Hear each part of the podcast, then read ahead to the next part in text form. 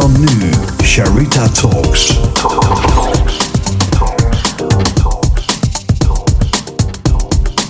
Sharita Talks. Embrace your vulnerability. Sharita Talks. Welkom bij weer een mooie aflevering van Charita Talks met deze keer Robin Vredeveld. Robin Vredeveld was het leven aan het leiden waarvan hij dacht dat het zo hoorde. Vanuit huis had hij meegekregen dat geld en succes belangrijk waren om gelukkig te zijn. Dus op 22-jarige leeftijd start hij zijn eerste baan in de corporate wereld.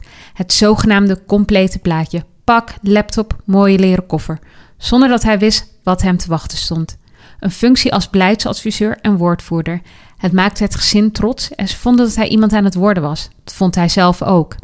Hij wilde iedereen laten zien waartoe hij in staat was. Dat lukte. Hij kreeg de onderwerpen wekelijks in de nationale media. Hij tekende vervolgens een vast contract, was trots en dacht dat dit het was.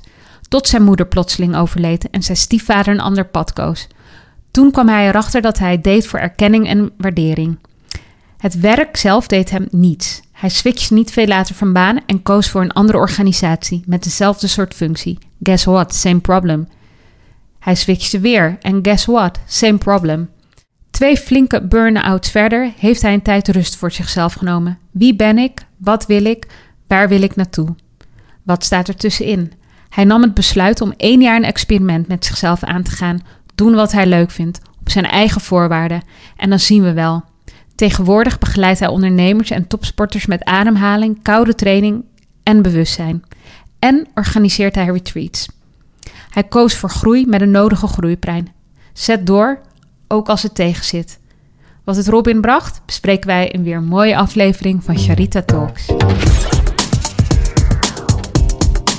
Sharita Talks. Embrace your vulnerability. Sharita Talks. Robin, welkom. Superleuk om je in een podcast te hebben. Ja, dankjewel. Dankjewel dat je meteen ja zei. En again, Instagram dit de the magic. Nou, eigenlijk was het Nigel die mij volgens mij tegen mij zei van... eh, misschien moet je eens een keer met Robin afspreken. En toen kwamen we elkaar tegen bij Kula. Ja, klopt ja. Heel toevallig. Ja. Waar we uiteindelijk de hele middag en avond gezeten hebben om over ja, van alles te praten. En toen dacht ik, ik ga jou gewoon vragen voor mijn podcast. Ja, zo is het. Ik kwam er gewoon om een boekje te lezen. Ja. Toen, eh, toen hebben we de hele dag eh, met elkaar zitten kletsen. Ja, dat is een heel mooi gesprek was dat. En ehm, gaf mij heel veel inspiratie.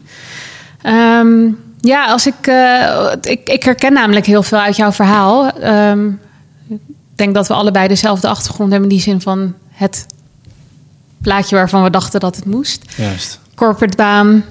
En jij bent echt nog, jij hebt nog zeg maar corporate banen de kans gegeven door van de een naar de ander te gaan totdat je lichaam zei nee. En volgens mij was ook het punt dat je moeder overleed, was ook even Ja. een eh, punt. Dus ja, ehm Ja. tell me about it. ja, ik kwam dus eh, eigenlijk op het punt dat ik... Ja, ik had eh, alles voor mijn gevoel wel gehaald. Ik had mijn studie gedaan. Ehm, ik kwam met een ondernemersgezin, waarbij de, beide vaderfiguren, mijn ouders zijn gescheiden, beide vaderfiguren zeg maar goed aan het ondernemen waren. En daar ik heel eh, goed een boterham mee konden verdienen. En dat zorgde natuurlijk wel voor een bepaalde druk op mijn schouders. Van, eh, ja jongen, eh, wat, en jij, wat ga jij doen?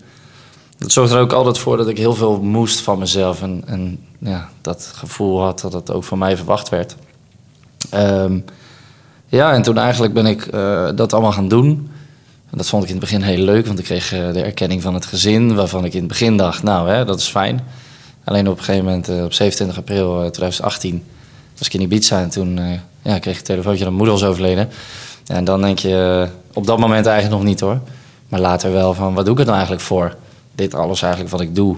En haal ik daar dan de voldoening uit die ik eigenlijk zou, ja, uit zou willen halen. En als mijn moeder niet meer kan meekijken, in fysieke vorm dan, eh, waar doe ik het dan eigenlijk voor? Nou, dat is eigenlijk wel een goede vraag die ik begon, eh, te st- mezelf begon te stellen. Dus ja, dan vind ik het dan, doe ik het dan wel voor mezelf. En toen ben ik eigenlijk, eh, het antwoord was nee. Maar toen ben ik eigenlijk een beetje gaan kijken, oké, waar wat dan wel? Toen ben ik een hele journey gestart eh, van oké, eh, een beetje mijn eigen weg gaan vinden en mijn eigen pad gaan bewandelen. En wat is dat pad dan? En wie ben ik dan als alles wegvalt? Dus zo eh, kwam dat eigenlijk een beetje op mijn pad terecht. Ja. en dit was voor of na de, de burn-out eh, periode? Ehm, nou, ik had er wel één voordat mijn moeder overleed. Eh, en toen weet ik nog dat ik mijn moeder eh, echt opbelde van... "Pff, maar ik trek dit niet. En ze zei, ja jongen, hey, dat is het leven en noem maar op. En die beperkte overtuiging had mijn moeder eigenlijk zelf, Zelf ook, ja. Ja, dat ze gewoon zei van ja, het leven is niet altijd leuk. Toen dacht ik, ja, maar waarom dan niet? Want dan zouden we de omstandigheden zoals ze zijn accepteren. En dat weigerde ik eigenlijk altijd. En ik was ook altijd wel geïnteresseerd in menselijk gedrag. Dus waarom doen we wat we doen? Waarom denken we zoals we denken? En hoe komt dat dan tot stand? Hè? Hoe uitzicht dat vervolgens? Dus daar eh, was ik altijd al, ook, ook daarvoor al heel erg mee bezig met het lezen van boeken. En eh, ja, menselijk gedrag, psychologie vond ik heel boeiend. En eigenlijk daarna dacht ik van oké, nou dan ga ik dat nu eens in de praktijk brengen voor mezelf. Ja. Ja, mooi, want ik, ik, ik moet terugdenken aan ook aan een post die je op Instagram hebt staan. Met je, volgens mij eh, zit je met Mark Rutte of in ieder geval. Ja. En ik, ik dacht echt van ja, wow. Dat je zegt, eh, ik heb mijn tattoos verstopt onder mijn pak, eh, want dat was voor criminelen. Ja. Mijn Rotterdamse accent weggestopt, want dat was sociaal.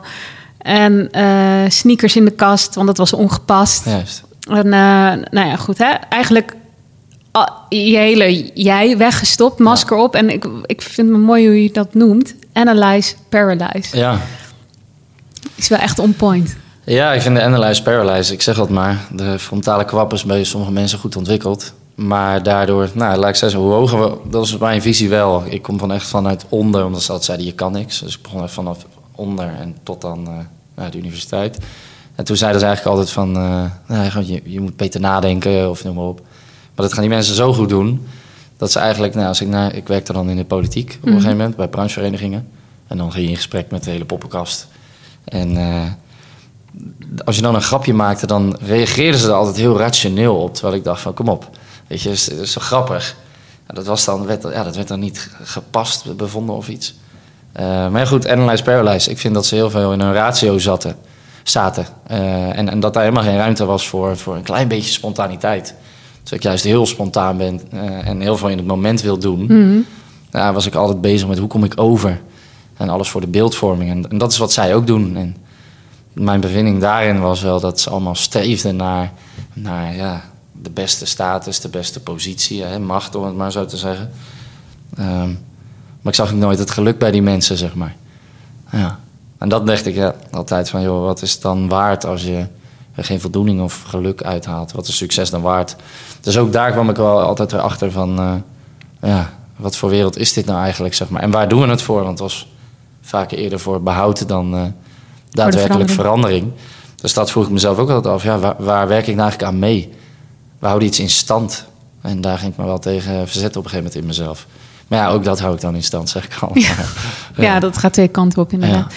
En ehm, even weer terug naar de burn-out. Dus dat ging niet lekker. En die tweede burn-out die kwam dan nadat je moeder overleden was. Ja, ik weet nog, ik, mijn moeder overleed op Koningsdag. Eh, nou goed, daar ga je een heel proces in van, ja, eh, en nu? Want het, het gebeurde heel abrupt. En ehm, mijn moeder was ook niet ziek of iets.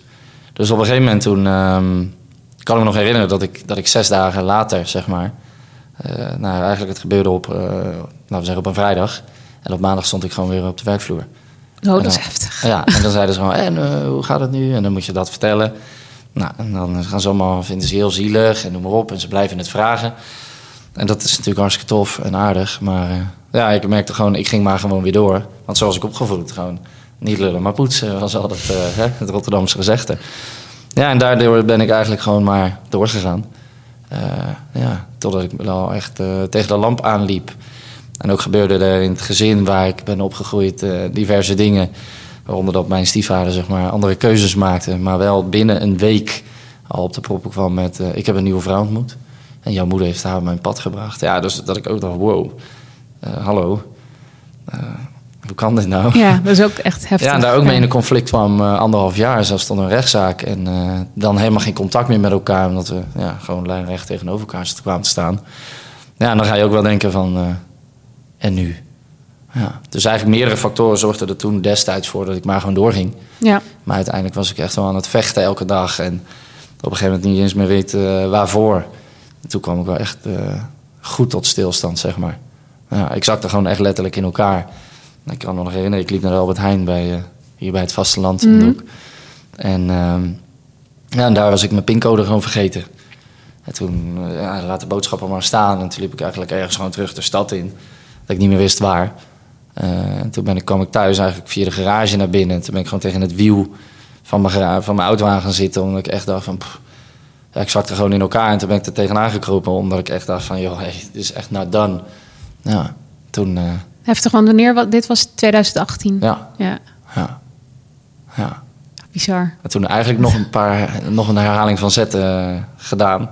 Puur omdat ik dacht, nou ja, mijn werkgever, waarvan ik eigenlijk dacht, ik wil weg, die eh, hield op te bestaan, dus die werd opgegeven. Toen ben ik uiteindelijk doorgegaan naar eigenlijk de concurrent. Nou, destijds had ik nog helemaal geen moraal eh, kompas. Dus toen dacht ik, ik wil succesvol worden, toch? Nou, dan moet ik daarheen, want ik kan ook gewoon weer verder gaan. Ja. Eh, maar dat voelde eigenlijk ook al niet goed. En toen heb ik dat wel een tijd nog gedaan. Ehm, daar uiteindelijk weggegaan omdat ik ergens anders een beter salaris kon krijgen. Toen dacht ik nog, ja, meer geld is beter. Nou, het werd alleen maar slechter. En dat geld maakte me eigenlijk helemaal niet gelukkig, want ik kon meer sparen. Maar goed, ja, en nu? En toen uiteindelijk eh, ook daar weer een volgende stap gemaakt naar weer echt corporate. Zeg. Ik ging van brancheverenigingen ging ik op een gegeven moment echt naar corporate. En daar, eh, daar liep ik mezelf echt, eh, daar liep ik echt tegen de lamp. En daar ging het gewoon niet goed. Welk moment kon je het aan, aan jezelf toegeven? Want ehm, vaak zie je wel bij mannen dat het wat... Nou ja, het is wat duidelijk dat het langer duurt voordat, er, voordat je eraan durft toe te geven. Ja, eh, ik voelde heel veel in mijn lijf als het ware dat het niet wilde, maar vooral cognitief. Mijn, mijn denkvermogen was gewoon weg. En dan zeiden ze, Robin, kan je dit even doen? En dan dacht ik echt, eh, wat, sorry, wat, wat vroeg je aan me? Eh, luister je niet?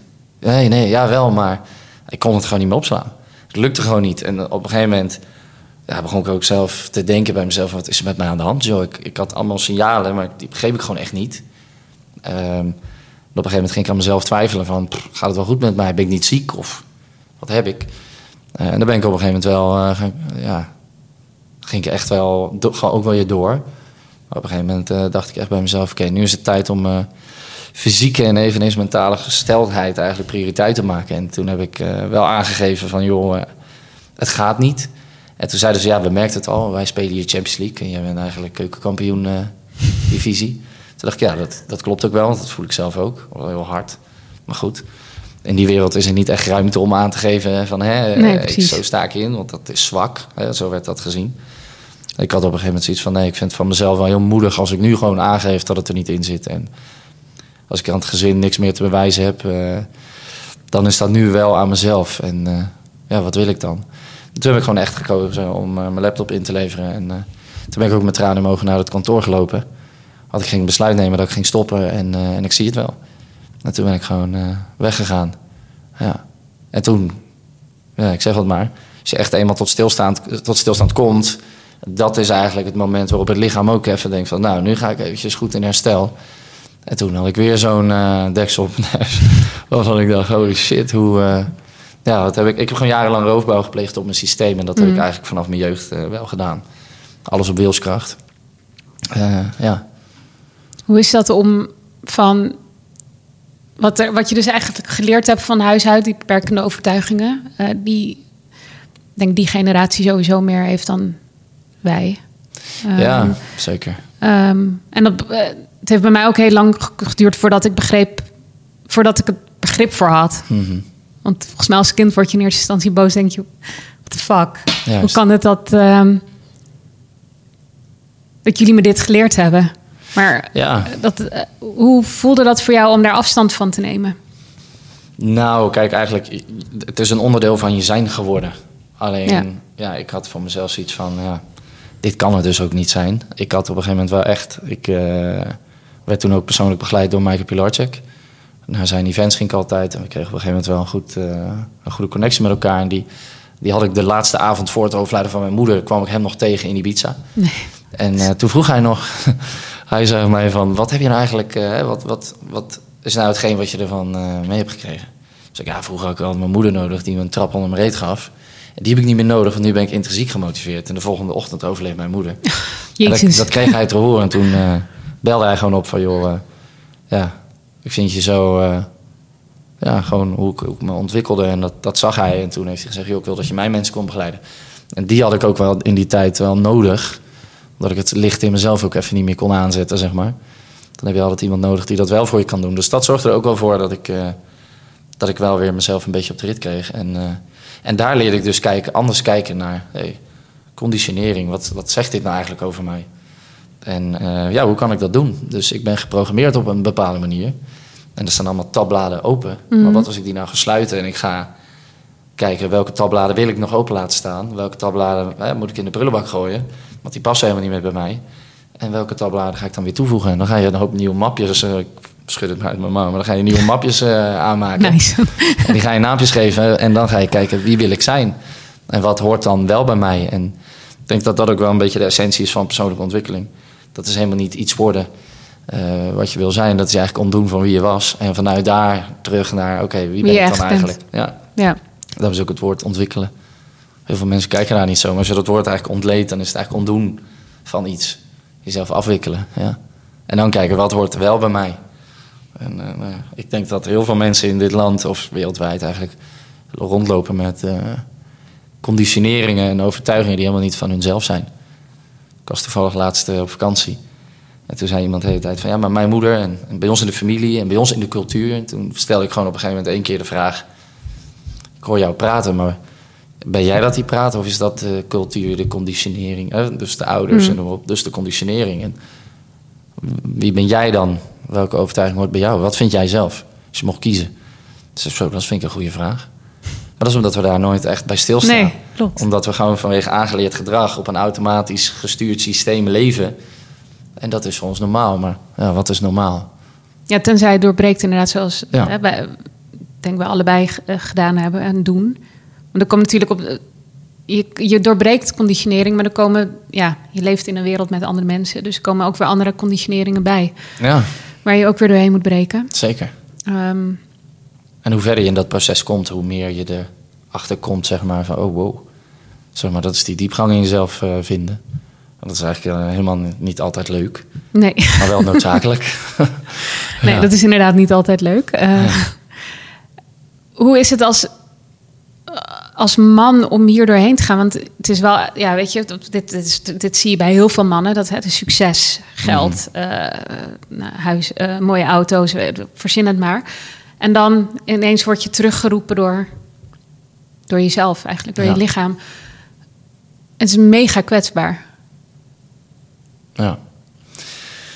Ja, het is, het is heel kwetsbaar. Alleen ik vind dat je op een gegeven moment moet je... je moet, hè, dat zeggen we vaak, je moet niks. Maar denk ik, op een gegeven moment moet je letterlijk de moed... met een D in dit geval, vinden... eh, om, om je wel kwetsbaar op te stellen. En dat is, en dat is de, het, het stigma wat erop rust... is dat dat zwak wordt bevonden door de corporate wereld... of hè, de, de, überhaupt de maatschappij. Ik denk, ja, maar het, het is helemaal niet zwak. Het is super moedig als je kunt aangeven... dat je, dat je voor jezelf kunt eh, de grens kunt stellen. Dit is het. En niet verder. En dat je dan gewoon aan gaat geven van... hé, hey, wacht even. Dit werkt niet voor mij. Of, hey, dit is hoe ik mij voel. En ik denk juist dat dat... Ik zie wel dat het groeit. Ja, ik ik denk, eh, maar misschien ook omdat ik me meer ben gaan omringen met dezelfde soort mensen. Maar goed, als ik soms nog wel eens eh, iets meekrijg ergens... of van, hè, van co- oud-collega's of vrienden of whatever... dat ik toch wel denk, pff, zo... ben ik blij dat ik daar uit ben. Want het wordt gewoon eh ondermijnd als het ware. Ja, Ja, er is nog een lange weg te gaan daar. ja de analyze paralyze, zeg maar. ja, ja. Ik zit er met mijn andere bedrijven nog in en dat maakt het interessant. Want ik zit er heel dicht op. Juist.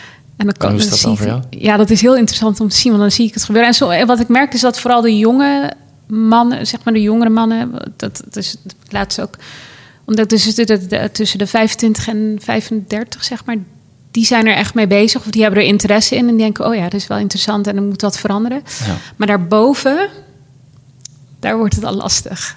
Ja, Dat, daar, is, dat, dat, ja, daar zit de uitdaging. ja.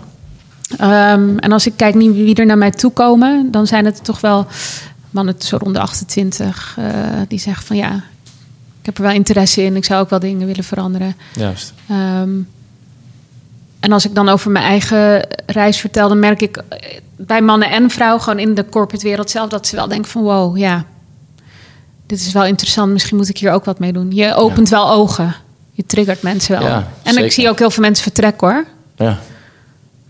Ja, ik zeg altijd maar, dat is mijn, mijn bevinding. Ik, ik, bij mij was het echt niet dat ik eh, mega succesvol was en noem maar op. Maar ik had wel wat ik had beoogd als het ware. Daar was ik vrij snel. Gewoon puur Ja. door wilskracht en, en doorzettingsvermogen en die volharding die daarin zat. Van ik zal dit bereiken. Nou, dan heb je eh, een huis, een auto van de zaak. Mm. En, eh, nou, laat ik zo zeggen, een koophuis, hè, want dat is belangrijk. Ja, een auto van de zaak. Eh, een goed salaris en ik kon iedere maand sparen en ik kon iedere maand op vakantie. eh, en ik hoefde er helemaal niet over na te denken. En dan heb je het goed. Dat is voor de beeldvorming is dat. Dus als je dan zegt van, eh, ik heb mijn baan opgezegd of noem maar op. Dan zeiden mensen, maar hè, hoezo? Je was toch mega succesvol daarin en dat ging toch hartstikke goed? Ik ja, maar je, bent je bent vergeten mij de vraag te stellen of ik er blij van werd. En dan is het antwoord nee. Ja, en dan denk ik, ja, heel veel mensen, en dat, dat zie je veel gebeuren. De, het inkomen stijgt evenredig met het uitgavenpatroon. En, en dan hebben ze eigenlijk geen keuze meer van. Hè, want dan hebben ze ook dat, die auto, hebben ze ook dat, koop, dat koophuis. En dat, eh, wellicht zelfs de relatie met een kind op een gegeven moment. Ehm, en, dan, en dan zitten ze vast. En dan hebben ze niet zoveel keuzevrijheid meer om daaruit te stappen. Want ze moeten die levensstijl in, in stand houden. En dan, dat, dat noemen we dan de red race. En daar had ik wel voor mezelf in zo van... pff, als dat de rest van mijn leven moet, nou, alles wat ik al heb gehad... Ja, dan is het heel hard. Maar mijn conclusie was, dan hoeft het niet. Ja, en dat, dat is ook wel echt van... Ik vond altijd, je moet daar succesvol in worden... om erachter te komen dat dat het niet is. Ja. Zoals je op Ja. zoek bent naar eh, rijkdom... eh, eh, en dat is gekoppeld aan je bankrekening... dan vind je eigenlijk heel arm. Dan ben je helemaal niet succesvol. Dus dat was wel mijn...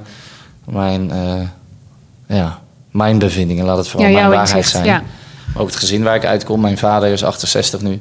Eh, verkoopt eind dit jaar pas zijn bedrijf... waar hij 25, 25 jaar kaart voor heeft lopen knallen. Hij heeft een hele mooie auto, een mooi huis. eh, en dan stel ik hem de vraag, ben je gelukkig? En dan is het antwoord nee.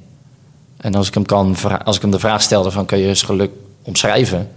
Vindt hij dat heel lastig. Want hij zegt, misschien heb ik dat nog nooit zo ervaren zoals, ja, dat, zoals jij dat eigenlijk nu omschrijft. En dan, dan vind ik dat moeilijk. En dan is eigenlijk mijn vader het voorbeeld van, zo, zo wil ik het dus niet. Dus wat heb ik dan nodig? Ja. Ja, en dat is best wel, eh, nou ja, goed. Dan ben je 68 en dan ga je je nu afvragen. Ja, dat is, ik heb eh, mijn vader de vraag gesteld, je bent eh, 68. Gemiddeld worden we 81. Dan heb je nog 13 jaar. Wat wil je met die 13 jaar doen? Ja, dan wil ik dit. En dan wil- wat heb je daar dan voor nodig?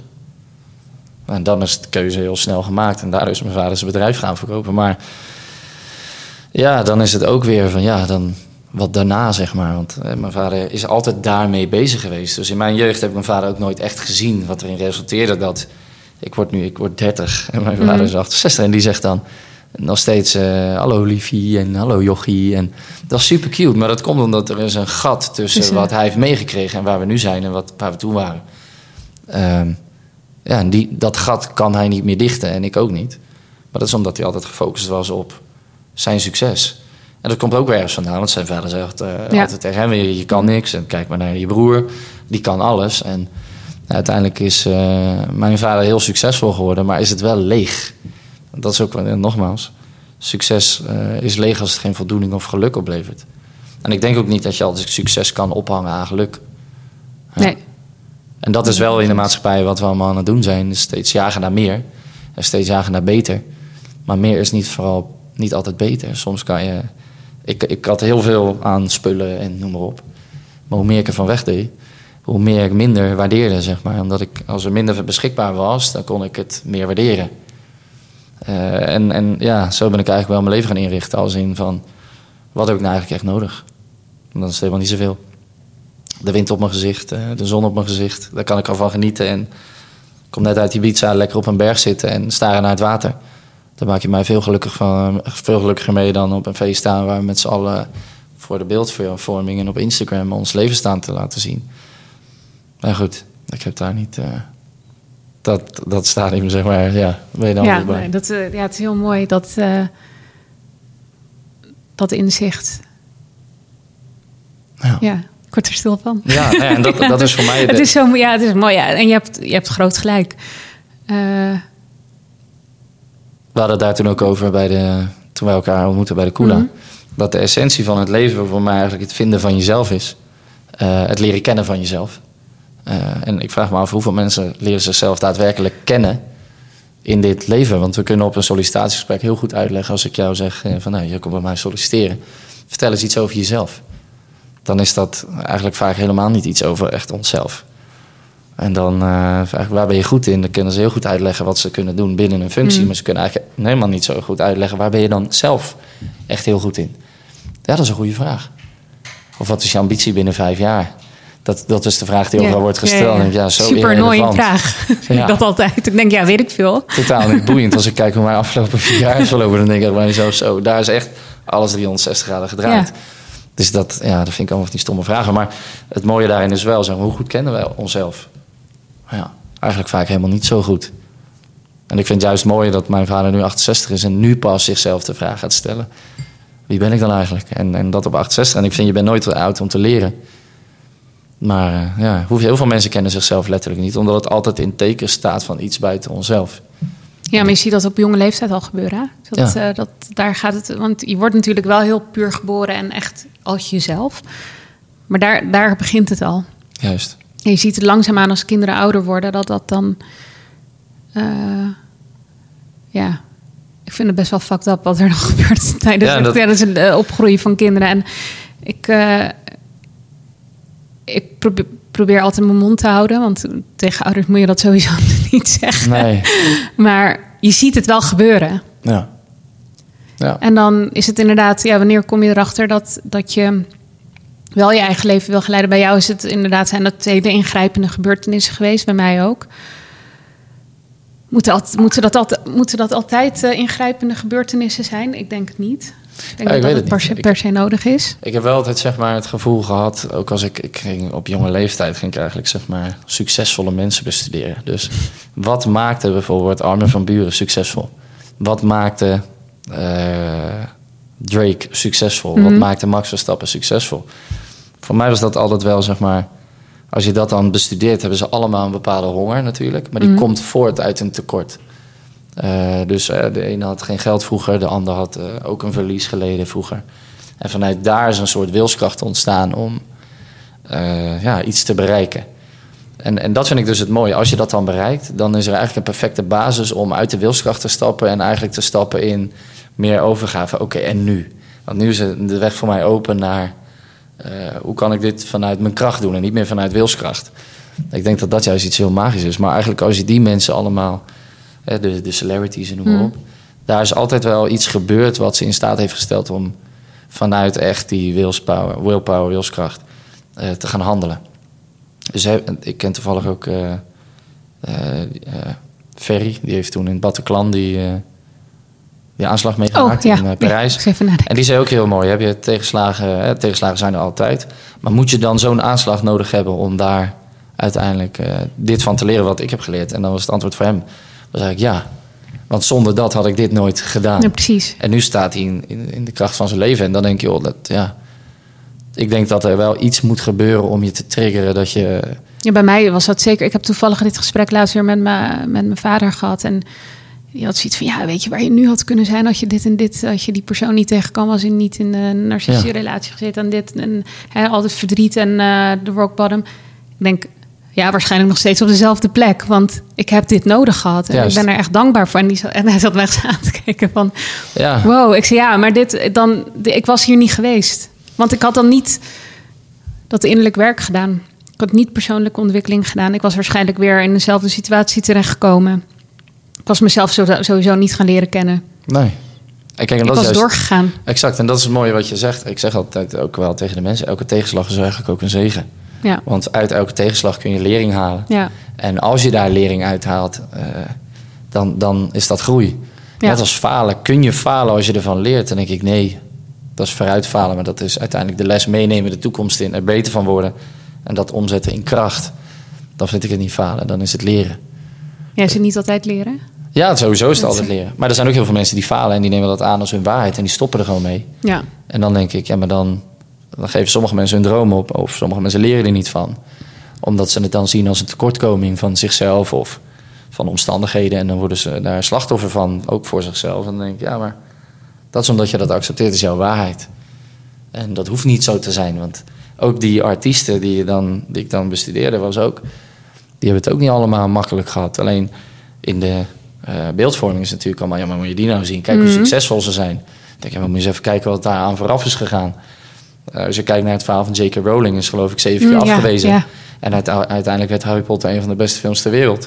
En dan denk ik, ja, maar dat, als ze had opgegeven en dat had geaccepteerd als haar waarheid, dan waren deze magische films letterlijk nooit op het witte doek verschenen. Dus dan denk ik, ja, consistent zijn eh, en volharding, eh, dat zorgt er eigenlijk eindelijk voor dat je daar komt. Maar dan moet je dat niet waar, als jouw waarheid accepteren, dan moet je blijven geloven. En die actie daarin leidt tot resultaat. Dus ik vind altijd wel, geef nooit je dromen op, blijf altijd geloven. En eh, dan, dan geloof ik dat je zeven keer kunt vallen, maar de achtste keer opstaat en dat het wel lukt. Ja, helemaal mee eens. Helemaal als ondernemer. Ja, dat, als eh, mens. Als, ja, als mens ook. Ja, ja eigenlijk altijd gewoon in het leven. Ehm, het is niet altijd makkelijk. En er komen altijd weer nieuwe tegenslagen op je pad. Ja, Maar dat, dat heeft ook met groei te maken. Je krijgt natuurlijk nieuwe uitdagingen op je pad... op het moment dat je weer eh, een level verder bent, om zo maar even te Zeker, zeggen. en, en dat, dat is ook zeker zo. Ik zeg ook maar, dat ligt ook aan de kwaliteit van de vragen die je jezelf stelt. Als ik, eh, nou goed, als jij jezelf de vraag stelt van waarom gebeurt dit mij altijd? Dus kan je zelf geen antwoord op geven. Maar zo, oké, wacht even, dit gebeurt nu, wat wil dit mij leren? Dan kun je inzicht verkrijgen en dan kun je daarna handelen. En inzicht geeft helderheid en dat stelt jou in, in staat om het vertrouwen te voelen. En eh, ik zag het maar, een profvoetballer die geen vertrouwen voelt, die, die presteert minder. En een voetballer die vertrouwen wel krijgt en dat ook voelt, die gaat vliegen. En eh, ik denk dat dat je in staat stelt om letterlijk in actie te komen en daaruit zeg maar resultaten te behalen. Dus ik geloof altijd wel van, eh, ja, dat, dat, dat dat zeg maar nodig is om, om daar wel te komen. Ja. Volharding Ja, ik geloof... geloof. Ja, wat, eh, ik, is wel, Oprah is natuurlijk ook zo'n voorbeeld. En ik dacht ook altijd, joh, ze hebben altijd allemaal iets meegemaakt. Het zal wel, totdat ik zelf eh rock bottom zat en een keuze maakte om in actie te komen. Ja. Toen dacht ik, oh ja, wacht even. Ik heb dit blijkbaar nodig gehad. Ja, en, en dat, En- maar dat zeg jij mooi. De keuze. En, en uiteindelijk is het eh, de keuze die je maakt, bepaalt uiteindelijk waar je, in, waar je terechtkomt. Hè. En, en dat is wat ik, dat ik wel zeg van ja, je hebt eigenlijk altijd een keuze. Ook als je geen keuze hebt, kun je keuzes Heb je een maken. Ja. Eh, en het ligt aan jou in hoeverre kun jij, eh, kun jij keuzes maken die, die helpend zijn. Ik zie ook mensen die maken keuzes en daarmee vergooien ze de hele boel. Eh, om, en, en dat komt dan omdat ze in slechte situaties zitten met slechte gedachten. Dus hun staat van zijn daarin is niet optimaal. En dus maken ze ook niet optimale keuzes. Nou, En dat daar heb ik dus zelf ook weer- nog een voorbeeld van hoor. Dat, dat, dat, dat heb ik ook gedaan in het Ja. verleden. Ik bedoel, mijn vorige ondernemingen waren nog niet bepaald Nee, groot succes. nee. Maar daarin heb ik gewoon verkeerde keuzes. Ja, dan heb ik keuzes gemaakt die op dat moment goed voelden. Juist, Nou, eigenlijk niet. Ik wist toen eigenlijk ook al dat het geen goede keuzes waren, maar ik maakte ze maar. juist. En waarom Om maakte je maar, ze? om maar een keuze te maken. Ja. Om dan maar gewoon eh, geen ruis, te, of geen ruis op de lijn te hebben, wat uiteindelijk weer voor nieuwe ruis zorgde. En Juist. uiteindelijk gewoon een big veel was, waar ik van geleerd heb. Juist. Ja. Maar En dat, Ja. dat, dat zeg je ook mooi. Ik, ik had laatst een eh, bericht geplaatst met voor de korte termijn ben je zo goed Ja. als dat je intens bent. Of hè, als je intensiteit. En voor de lange termijn ben je zo goed als dat je consistent bent. Dus ja, ik geloof altijd wel. En dat, dat komt hij weer terug van de kwaliteit van je vragen die je zelf stelt. En ook aan anderen is uiteindelijk ook wel de kwaliteit van, je, van de uitkomst van je leven uiteindelijk dus. Ehm, en als je dan consistent goede vragen aan jezelf kan stellen, moet je ook wel weten wat een goede vraag is natuurlijk. Maar dat zorgt ervoor dat je uiteindelijk, zeg maar, ja, ook, ook de hele tijd bij jezelf kunt blijven inchecken. Oké, wacht even, dit gebeurt er nu. Eh, wat gebeurt er nu eigenlijk echt? Dus dan kun je eigenlijk uitzoomen in een bepaalde situatie. En, en op basis daarvan een bepaalde keuze maken voor jezelf. Maar dat is wel de vraag voor de vraag stellen. En de vraag voor de vraag is dan, oké, wat heb ik nodig? En als er soms iets gebeurt, dan is ook de vraag... gaat het überhaupt wel over mij? Of is, zegt Mm, iets over ja. de ander? Projecteert iemand iets op mij? En ik denk ook wel dat in persoonlijke ontwikkeling je... eh, en mensenkennis... in mijn geval dan door het verleden... maar dat je dan heel goed kunt kijken... oké, wacht even. Diegene zegt dit nu. eh, waarom zegt diegene dit? Waar komt dat dan vandaan? Of gaat dit dan over mij? Of is dit een projectie op mij? En dan ga ik bij mezelf gewoon checken. Ja, ik denk dat het een projectie op mij is. En dat denk ik niet, dat voel ik altijd. En dan, maar dan stel ik wel de vraag. Wat bedoel je nu eigenlijk? En dan gaan ze het uitleggen en denk ik, oh wacht. Je hebt gewoon een hele slechte dag en dat projecteer je nu op mij. En dan kun je weer je grens aangeven. Ja. En ik denk dat hele, Ja. dat hele aspect en, of spectrum van persoonlijke ontwikkeling gaat uiteindelijk over een verschuiving van denken naar een, hè, van denken naar voelen, zeg ik altijd maar.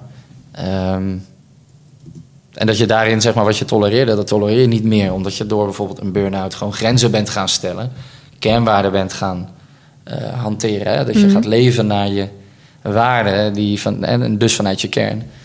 Eh, zodat je niet meer tolereert wat je eerst tolereerde. Dus als iemand tegen jou eh, zegt van, jij moet dit. En dan ging ik dat voorheen, ging ik dat gewoon doen. En nu dan gewoon, waar- waarom moet ik dit dan?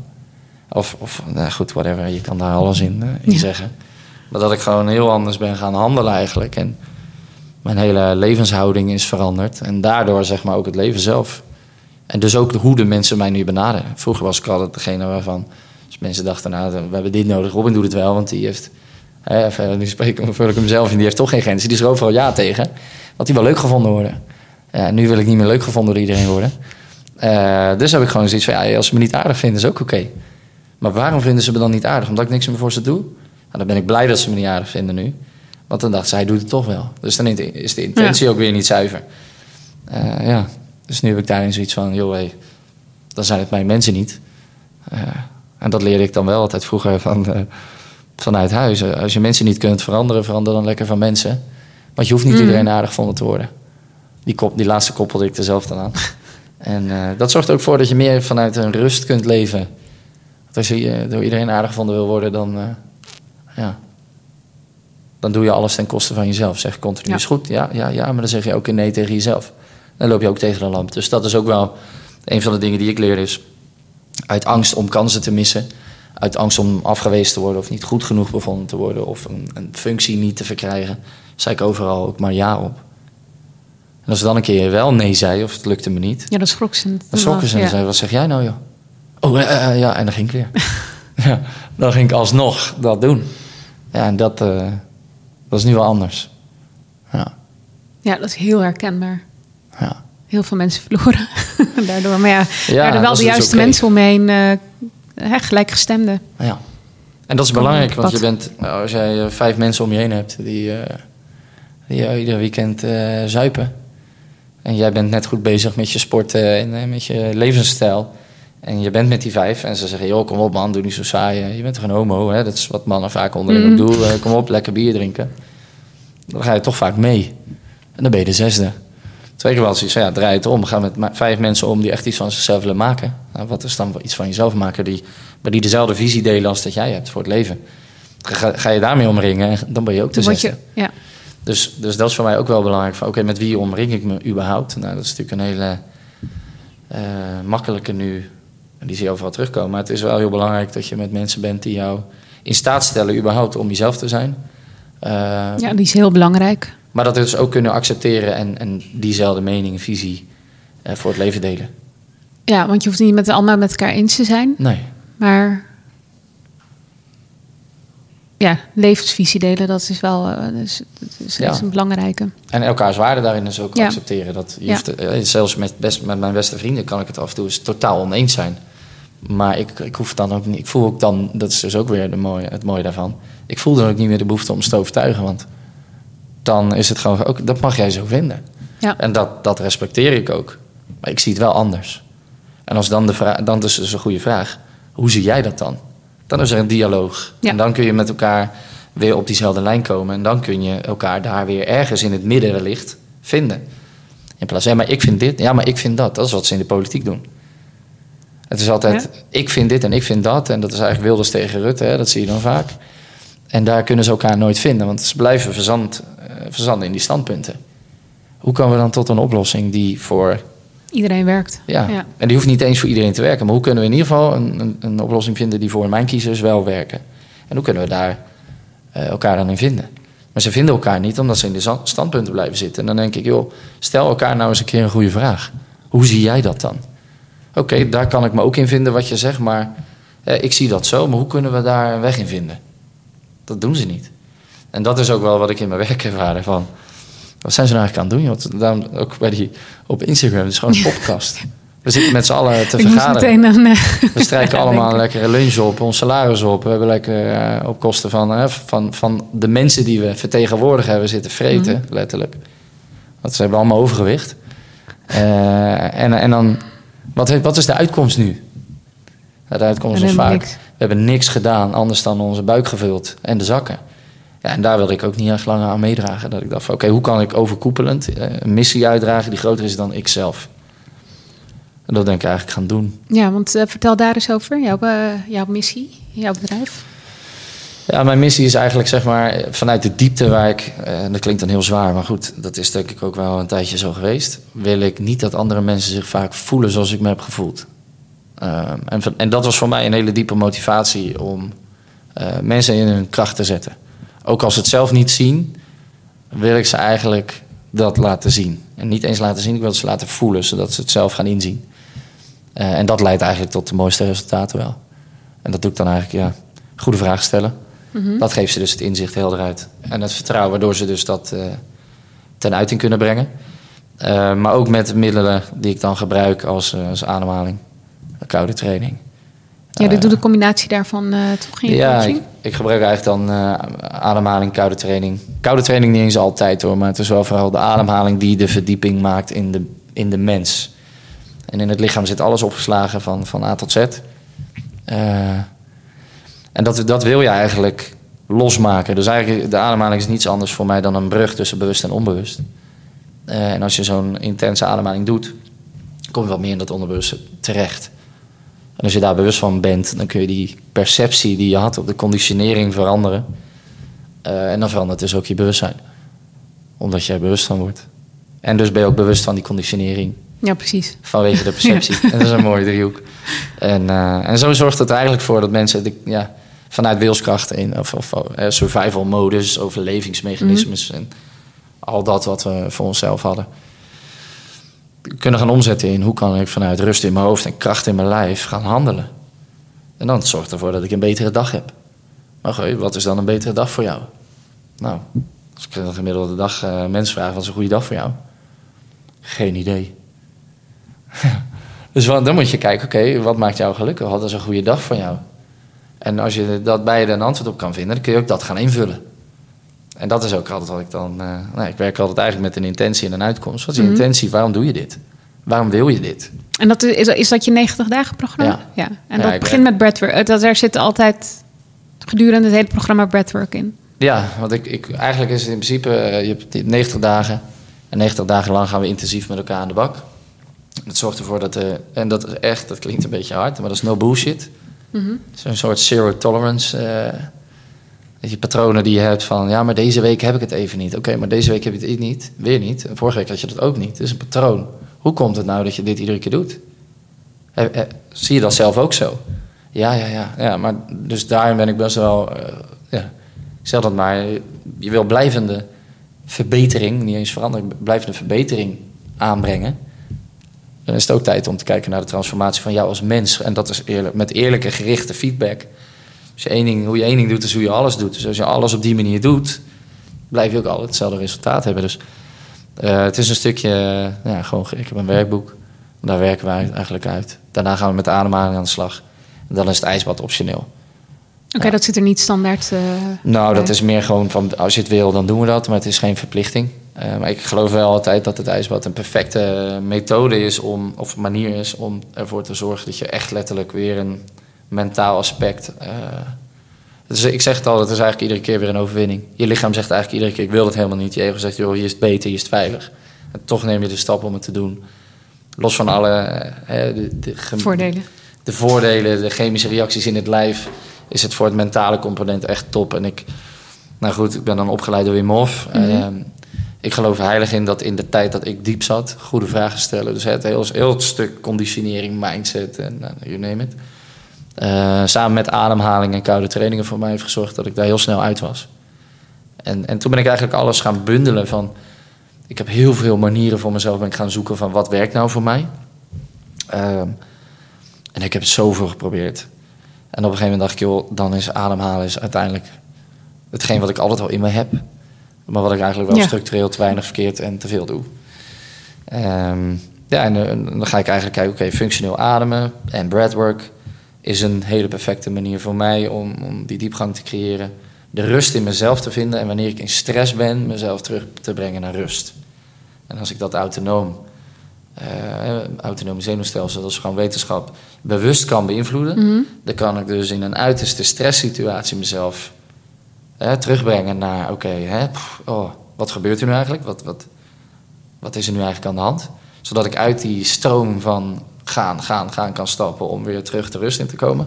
Maar ook wanneer ik in rust ben, mezelf wel klaar te stomen voor stress. En dat is wat ik weer met topsporters doe. Is hoe kan ik ze in een staat brengen waarin ze het maximale uit zichzelf kunnen halen met de juiste focus. Met goede ademhaling. Dus dan is het, minder, minder eh, hoe noemen we dat? Iets minder spiritualiteit, noem maar op. Mhm. Maar dan is het echt weer op, op de wetenschap. Hoe kan ik meer uit mijn kunnen halen? En hoe kan ik mijn potentieel maximaal benutten? En dan zie je ook dat eigenlijk eh, 85% van de mensen ademt structureel verkeerd. Mhm. Eh, te veel. En met een diepe ademhaling zeggen we eigenlijk dat moet dan heel hard en. En daar ligt de focus op in. Terwijl een inademing eigenlijk is heel interessant, vind ik leuk om te vertellen. Een inademing, eh, inademen is eigenlijk gewoon vol je gaspedaal intrappen op eh, in je auto. Nou, als je tot rust wil komen, dan ga je niet harder rijden, toch? Dus wat moet je dan doen? Dan moet je een langere uitademing hebben. Dus dat zorgt ervoor dat je hè, meer rust in je hoofd gaat ervaren. Nou, en dan leer ik eigenlijk, zeker met, met topsporters en, en vooral ook ondernemers, hoe kan ik nou uit die hoogste versnelling komen en terugschakelen naar een lagere snelheid, maar waar ik wel, hè, waar ik meer kan doen met minder intensiteit. Dus hè, minder gaan, wilskracht, kan ik meer, oké, wacht, vanuit een heldere mind opereren en dus ook veel efficiënter werkt. En dus ook betere prestaties eruit haalt. Omdat het Is vanuit dat die oefening eh, die ik altijd mega interessant vind, dat jij dat laat zien, dat, dat je de, je mond eh, dichtplakt? Nou, dus dat ik, op grappig. aan het hardlopen ben en dan... Ja, kijk, de, de tape gebruik ik meer. Kijk, als ik hem even heel plat sla, is het hoe meer je ademt. Nou, we ademen gemiddeld, ik geloof, 20, 22.000 keer per dag. Ehm, maar dat, dat gaan we steeds meer doen, omdat we steeds meer van onszelf verwachten. Dus het lichaam eigenlijk chronisch in een stress staat. En als we het helemaal teruggaan naar de oertijd, waren we, gingen we in de fight-flight-modus noemen we dat dan. Mm. Dus in de stressstand, om die beer in de oertijd eh, te verslaan. En dan was het hij of ik. Nou, dan zat je daar met je man of vrouw en kinderen zat je aan de zijkant. eh, en dan ging jij als hoeder ging jij jagen, want die moest eten. Maar die beer moest ook jagen, want die moest ook eten. Dus een van de twee ging eten. Nou, dan had je de beer verslagen en dan ging je terug naar, eh, naar rust. En dan ging je verteren, want je ging de beer opeten. Eh, maar die, die rustkant kun je alleen maar krijgen door... ja, je, moet, je moest jagen, dus je moest in die stressstand komen... om vervolgens weer terug te gaan. Ja, dus dan was die, die, die beer was een stressprikkel. Eventjes. Dat is een acute stressprikkel. En vervolgens geven we terug in rust. Alleen wij in deze moderne maatschappij gaan niet meer terug in rust. Nee. We zijn chronisch in deze staat. Dus we slapen in die staat. En we leven overdag in die staat. En als we heel vaak in die staat zijn, dan is ons ze- zenuwstelsel als het ware gewoon overprikkeld. En dan ontstaat er langzaam maar zeker een burn-out. Dus die, die overprikkeling is gewoon een, een lang traject van roofbouw, roofbouw op het lijf. Waardoor het lijf op een gegeven moment gewoon in één keer zegt, ja, maar nu is het klaar. En dan zeg je, ik heb, ik heb een burn-out, hoe kan dit nou ineens? Denk nou, kijk eens even terug, wat hebben we de laatste jaren gedaan? In welke toestand ben je geweest? Wat heb je nagestreefd? Waar heb je op gejaagd? Niet heel eventjes, nee, jarenlang. En, en ja, dat vind ik dus heel interessant. Van hoe kun je dus die staten van zijn, eh, hoe kun je terugschakelen? En hoe kun je jezelf ook voor bijvoorbeeld het slapen terugbrengen in rust? En de reden waarom ik dus, want dat is een lang, eh, lang verhaal kort, met, met tape slaap, is hoe meer wij ademen, hoe meer wij als het ware onze levensenergie uitademen. Dus inademen, hè, dat geeft ons het leven, maar uitademen is zeg maar af, is iets van onszelf afgooien. Zoals we inademen, uit, is het altijd een slaak van opluchting. Maar we ademen nu zoveel uit dat we ook CO2, hè, dat zien we als een afvalstof, maar dat is het dus niet. Die is verantwoordelijk voor de transport van zuurstof naar eh, andere delen van het lichaam, naar, tot op celniveau. Dus als ik op celniveau niet genoeg zuurstof ge- eh, toegezonden krijg, getransporteerd krijg, dan is het een lege cel. En een lege cel die geen energie heeft, die is verzwakt. Die sterft zelfs af. Dus ons lichaam raakt op die manier dus wel verzwakt. Dus eh, met de ademhaling kun je jezelf optimaal voorzien van levensenergie. En, en een gevulde cel heeft energie. Zorgt ervoor dat het energieniveau hoog is. Dus waarom train ik dus met tape? Zodat ik minder CO2 afblaas. Dan heb ik dus veel meer energie, kan, ik- kan ik dus meer doen met minder. En dan ligt mijn focus de hele tijd op de neusademhaling in en uit. En dat is ook het mooie. De mond is om te eten als het ware, te praten. Maar de neus is om te ademen. Hè, want ik- we hebben ook neushaartjes. Dat zorgt ervoor dat we precies gefilterde licht, lucht binnenkrijgen.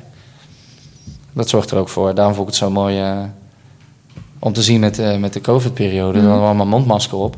We knepen onze neus letterlijk dicht, want hij moest strak op de neus.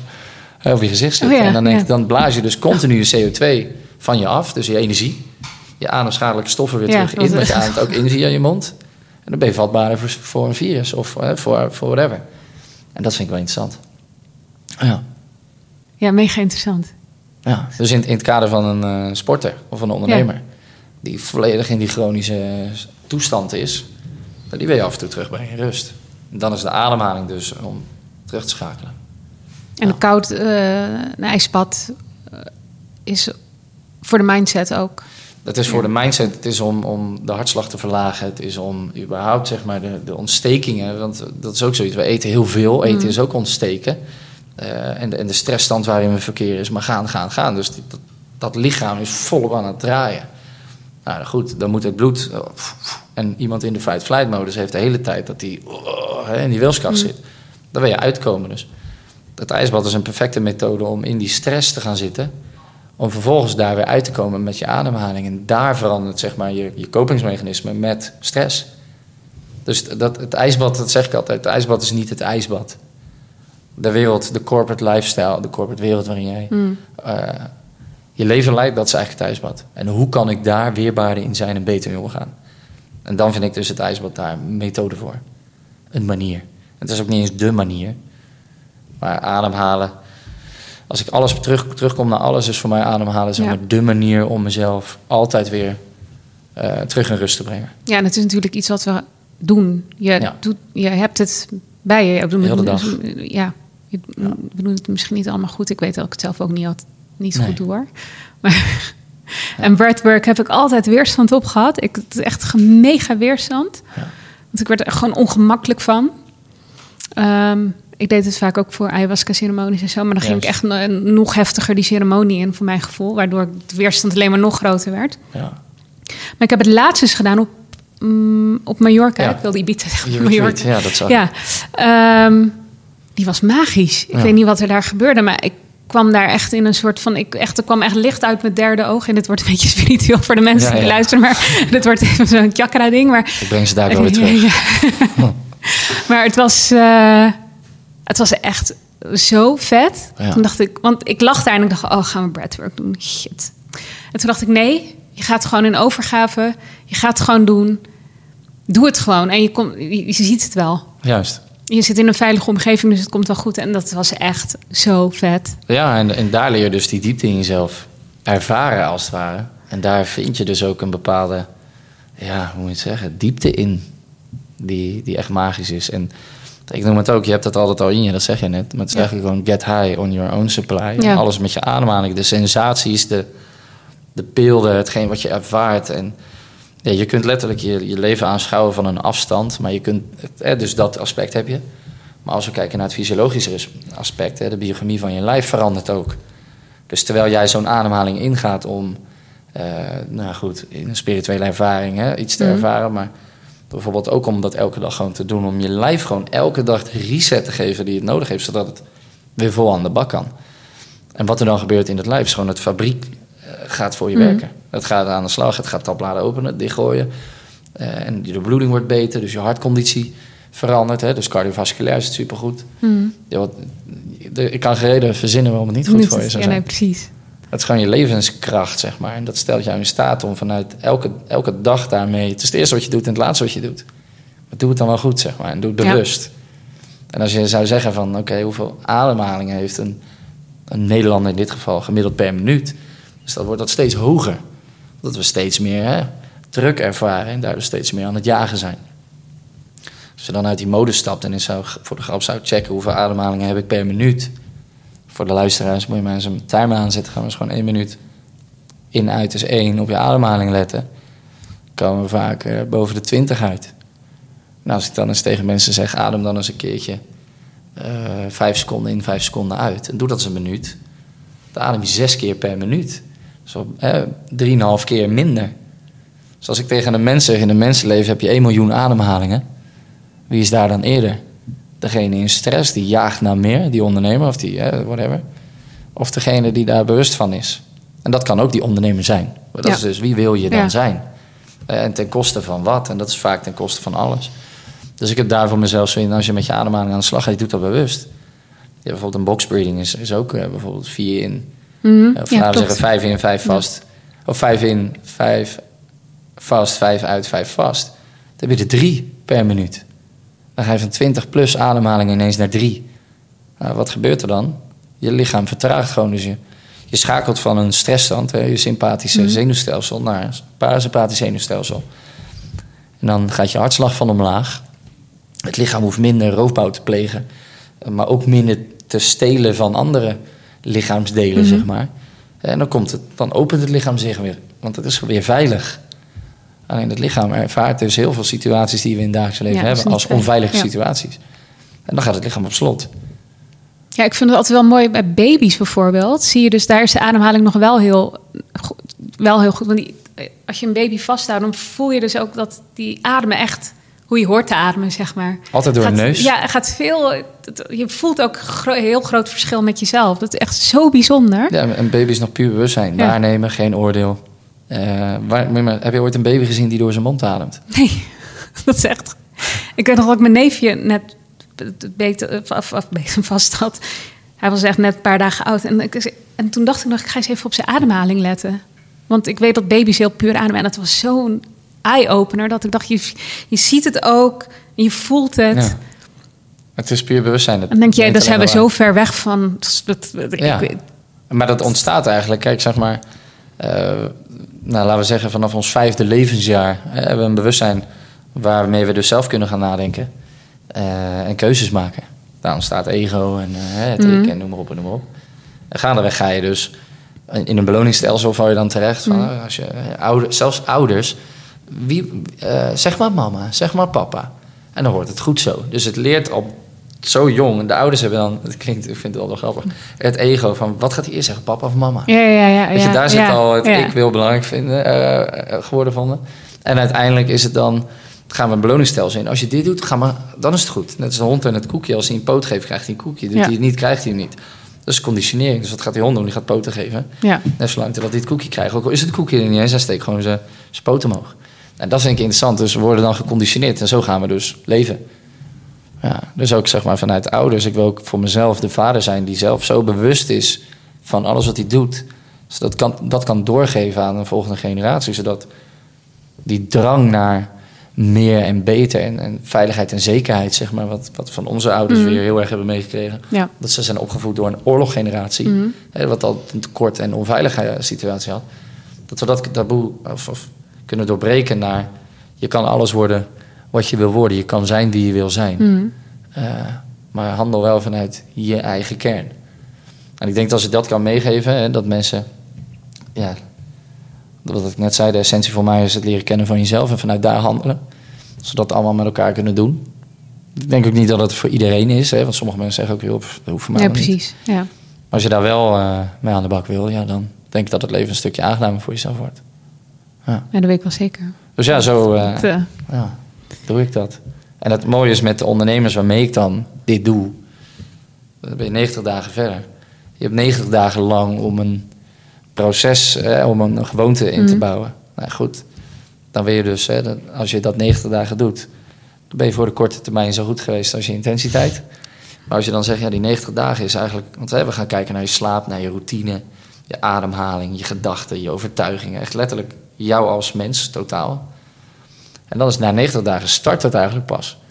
Als we dan het boekje dichtslaan, dan staat er: Jij bent een oneindig proces van groei.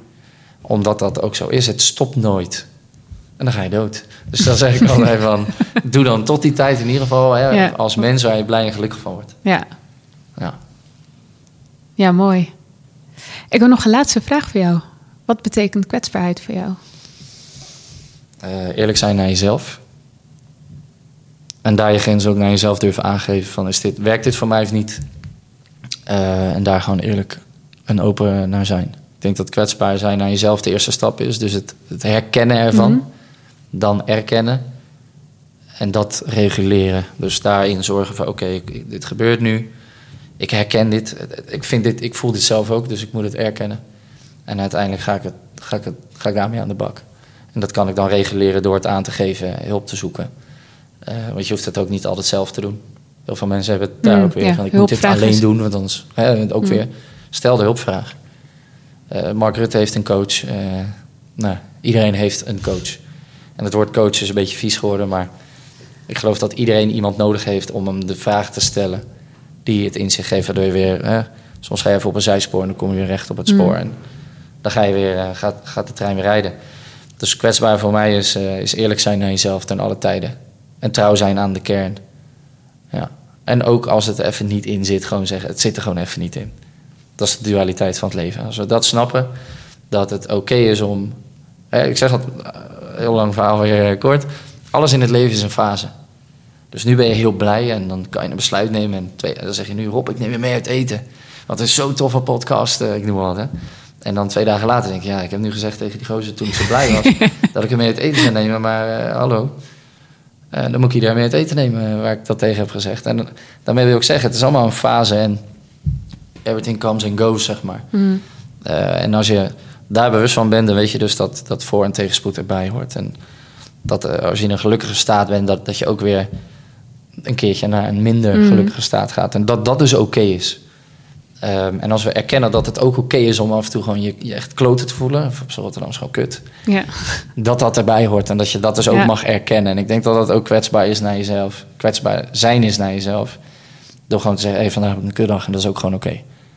En waar je tegen verzet, verzet is wat je in stand houdt. Dus als jij zegt, ik heb een kutdag en dat mag niet. En, eh, dan, ja, dat wordt alleen maar erger. dan wordt het alleen maar Ja. erger. En dan wat je aandacht geeft, dat groeit. Dus stel jezelf dan in dat geval weer een goede vraag. Wat heb ik nu nodig? En dat is gewoon even niks. Ja. En dan ben je ook kwetsbaar naar jezelf. En het is oké om dat even te hebben. Dus ik denk dat dat de dualiteit is van... eh, dat we, als we die dualiteit van het leven leren en durven omarmen... dat dat ook al eh, heel veel bijdraagt aan, eh, aan een gelukkiger bestaan. Net als een voetballer, ik werk veel met, met topsporters nu. Als geluk voor jou alleen maar is dat je altijd wint... Hmm. hoe vaak ben je dan daadwerkelijk gelukkig? ja, niet zo vaak, denk ik. En als je nou weet dat in het verlies zeg maar weer het, de, de, de kans of eh, de opportunity ligt naar groei, dan moet je soms ook verliezen, want daar kun je beter van worden. En als je dat kunt inzien, dan, dan ga je de volgende keer weer winnen met de inzichten die je uit het verlies hebt gehaald. Dus verliezen is ook oké. Natuurlijk niet in een finale of zo, maar soms heb je dat nodig om weer, om weer door te kunnen. Dus voor heel veel voetballers is het, het is heel streng voor zichzelf. En is het, ik moet dit nu en ik moet dat. En in dat moeten is ook, weer- is ook weer heel veel vermoeiend. En dan leggen ze zichzelf heel veel druk op. Dan is het ook weer oké om kwetsbaar te zijn van... eh, ik voel me vandaag even minder. Om dan ook als sporter even te zeggen van... nee, even vandaag niet. En dan ben je iemand in te checken van... hé, hey, ik ervaar nu dit. Is het een mental coach of whatever. Dan stroomt het weer.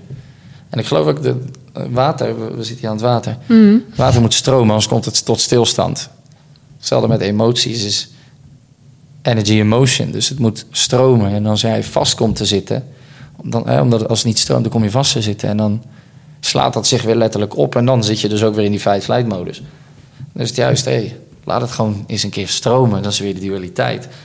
Als het kan stromen, dan stroom ik als mens. En dan zorgt het ervoor dat ik weer kom tot een betere prestatie. Maar dan moet ik wel die dualiteit omarmen. Ja. En ik denk dat dat ook eh, ja, wel het mooie is van, eh, van dat, dat stukje kwetsbaar zijn. Ja. En zeker in het geval van iemand die elke dag het maximale van zichzelf vraagt. ja, zeker. Hoe komen blessures tot stand? Ik denk dat je heel vaak eh, die druk, eh, wat, wat er in je hoofd gebeurt, is het signaal wat je geeft aan je zenuwstelsel. Het zenuwstelsel reageert op een fight-flight toestand. Dus, boah, ik ga weer vastzitten.